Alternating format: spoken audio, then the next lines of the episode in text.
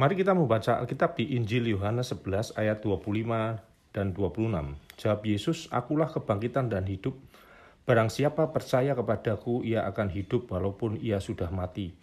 Dan setiap orang yang hidup dan yang percaya kepadaku tidak akan mati selama-lamanya. Percayakah engkau akan hal ini? Pewahyuan Tuhan Yesus tentang dirinya kepada kita merupakan satu fondasi iman kita. Tuhan yang mewayukan diri artinya dia memperkenalkan atau menyingkapkan dirinya.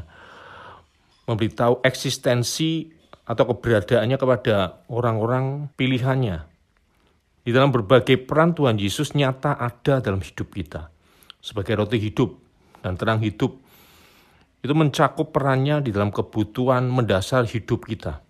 Sebagai pintu dan gembala yang baik jelas menghadirkan gambaran pemeliharaan yang sempurna di dalam kasihnya. Kali ini ungkapan akulah kebangkitan dan hidup. Ini adalah jawaban pergumulan manusia yang sudah jatuh di dalam dosa. Di Roma 6 ayat 23 jelas menyatakan bahwa upah dosa itu maut.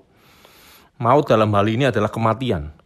Ditegaskan lagi di Mazmur 89 ayat yang ke-48, siapakah orang yang hidup dan yang tidak mengalami kematian? Yang dapat meluputkan nyawanya dari kuasa dunia orang mati. Itu pergumulan hidup manusia yang berdosa. Yang pertama, mati secara rohani. Rohnya itu terpisah dari hadirat Tuhan karena keberdosaannya.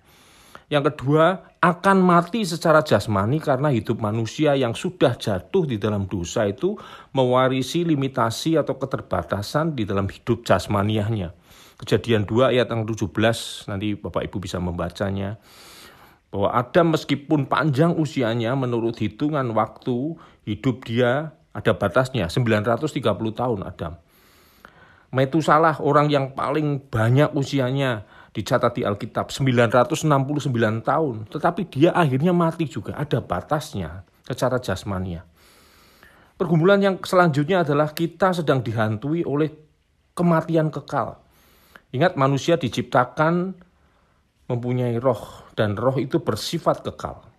Hanya ada dua pilihan kekal di dalam kematian kekal, di dalam keterpisahannya dengan Tuhan, atau dalam hal ini neraka atau kekal di dalam hidup bersama dengan Tuhan di dalam surga yang mulia. Penyataan Tuhan Yesus akulah kebangkitan dan hidup merupakan satu-satunya pengharapan bagi manusia. Dia menjawab kebutuhan manusia akan kebangkitan. Kebangkitan adalah antonim atau lawan kata daripada kematian. Di Yohanes 11, nanti Bapak Ibu bisa membaca momen di mana Tuhan Yesus membangkitkan Lazarus dari kematiannya yang sudah empat hari terkubur adalah momen yang luar biasa ajaib cara Tuhan memperkenalkan pengharapan bagi hidup manusia itu terhadap kematian. Di dalam Injil ada beberapa kali Tuhan Yesus membangkitkan orang mati, di antaranya pemuda Naim, kemudian anak Yairus. Tetapi ada yang istimewa di mukjizat kebangkitan Lazarus ini. Tuhan Yesus perlu berlambat-lambat untuk datang ke Betania, ke kampung Maria dan Marta, saudara Lazarus. Bahkan di dalam sakitnya Lazarus kemudian mati dan dikuburkan. Sudah empat hari dikuburkan secara medis maupun secara kepercayaan orang Yahudi. Selewat tiga hari jiwa orang mati itu tidak mungkin kembali ke jasadnya. Kematian Lazarus itu sudah final bagi orang-orang Yahudi. Namun kuasa Tuhan Yesus berlaku atas kemustahilan. Tuhan Yesus membangkitkan Lazarus dan dialah sang hidup yang mengalahkan kematian dan memberikan kehidupan. Tuhan Yesus tidak mengenal kematian kekal. Menarik sekali pernyataan Tuhan Yesus tentang dirinya sebagai kebangkitan dan hidup diucapkan tujuh minggu sebelum Tuhan Yesus naik ke kayu salib, mati, dan kemudian dibangkitkan dari orang mati. Itu adalah dasar pengharapan kita. Hidup kekal tersedia bagi setiap orang yang percaya. Di dalam kematian Yesus ada kebangkitan Yesus. Dan kita percaya bahwa di dalam kehidupan kita pun itu berlaku.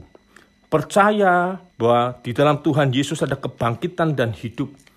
Kita semua percaya bahwa tubuh jasmaniah yang kita miliki, tubuh yang hina ini akan diubahkan menjadi tubuh yang mulia. Percaya adalah langkah awal dari sejumlah tindakan iman kita. Percaya adalah anugerah yang Tuhan berikan.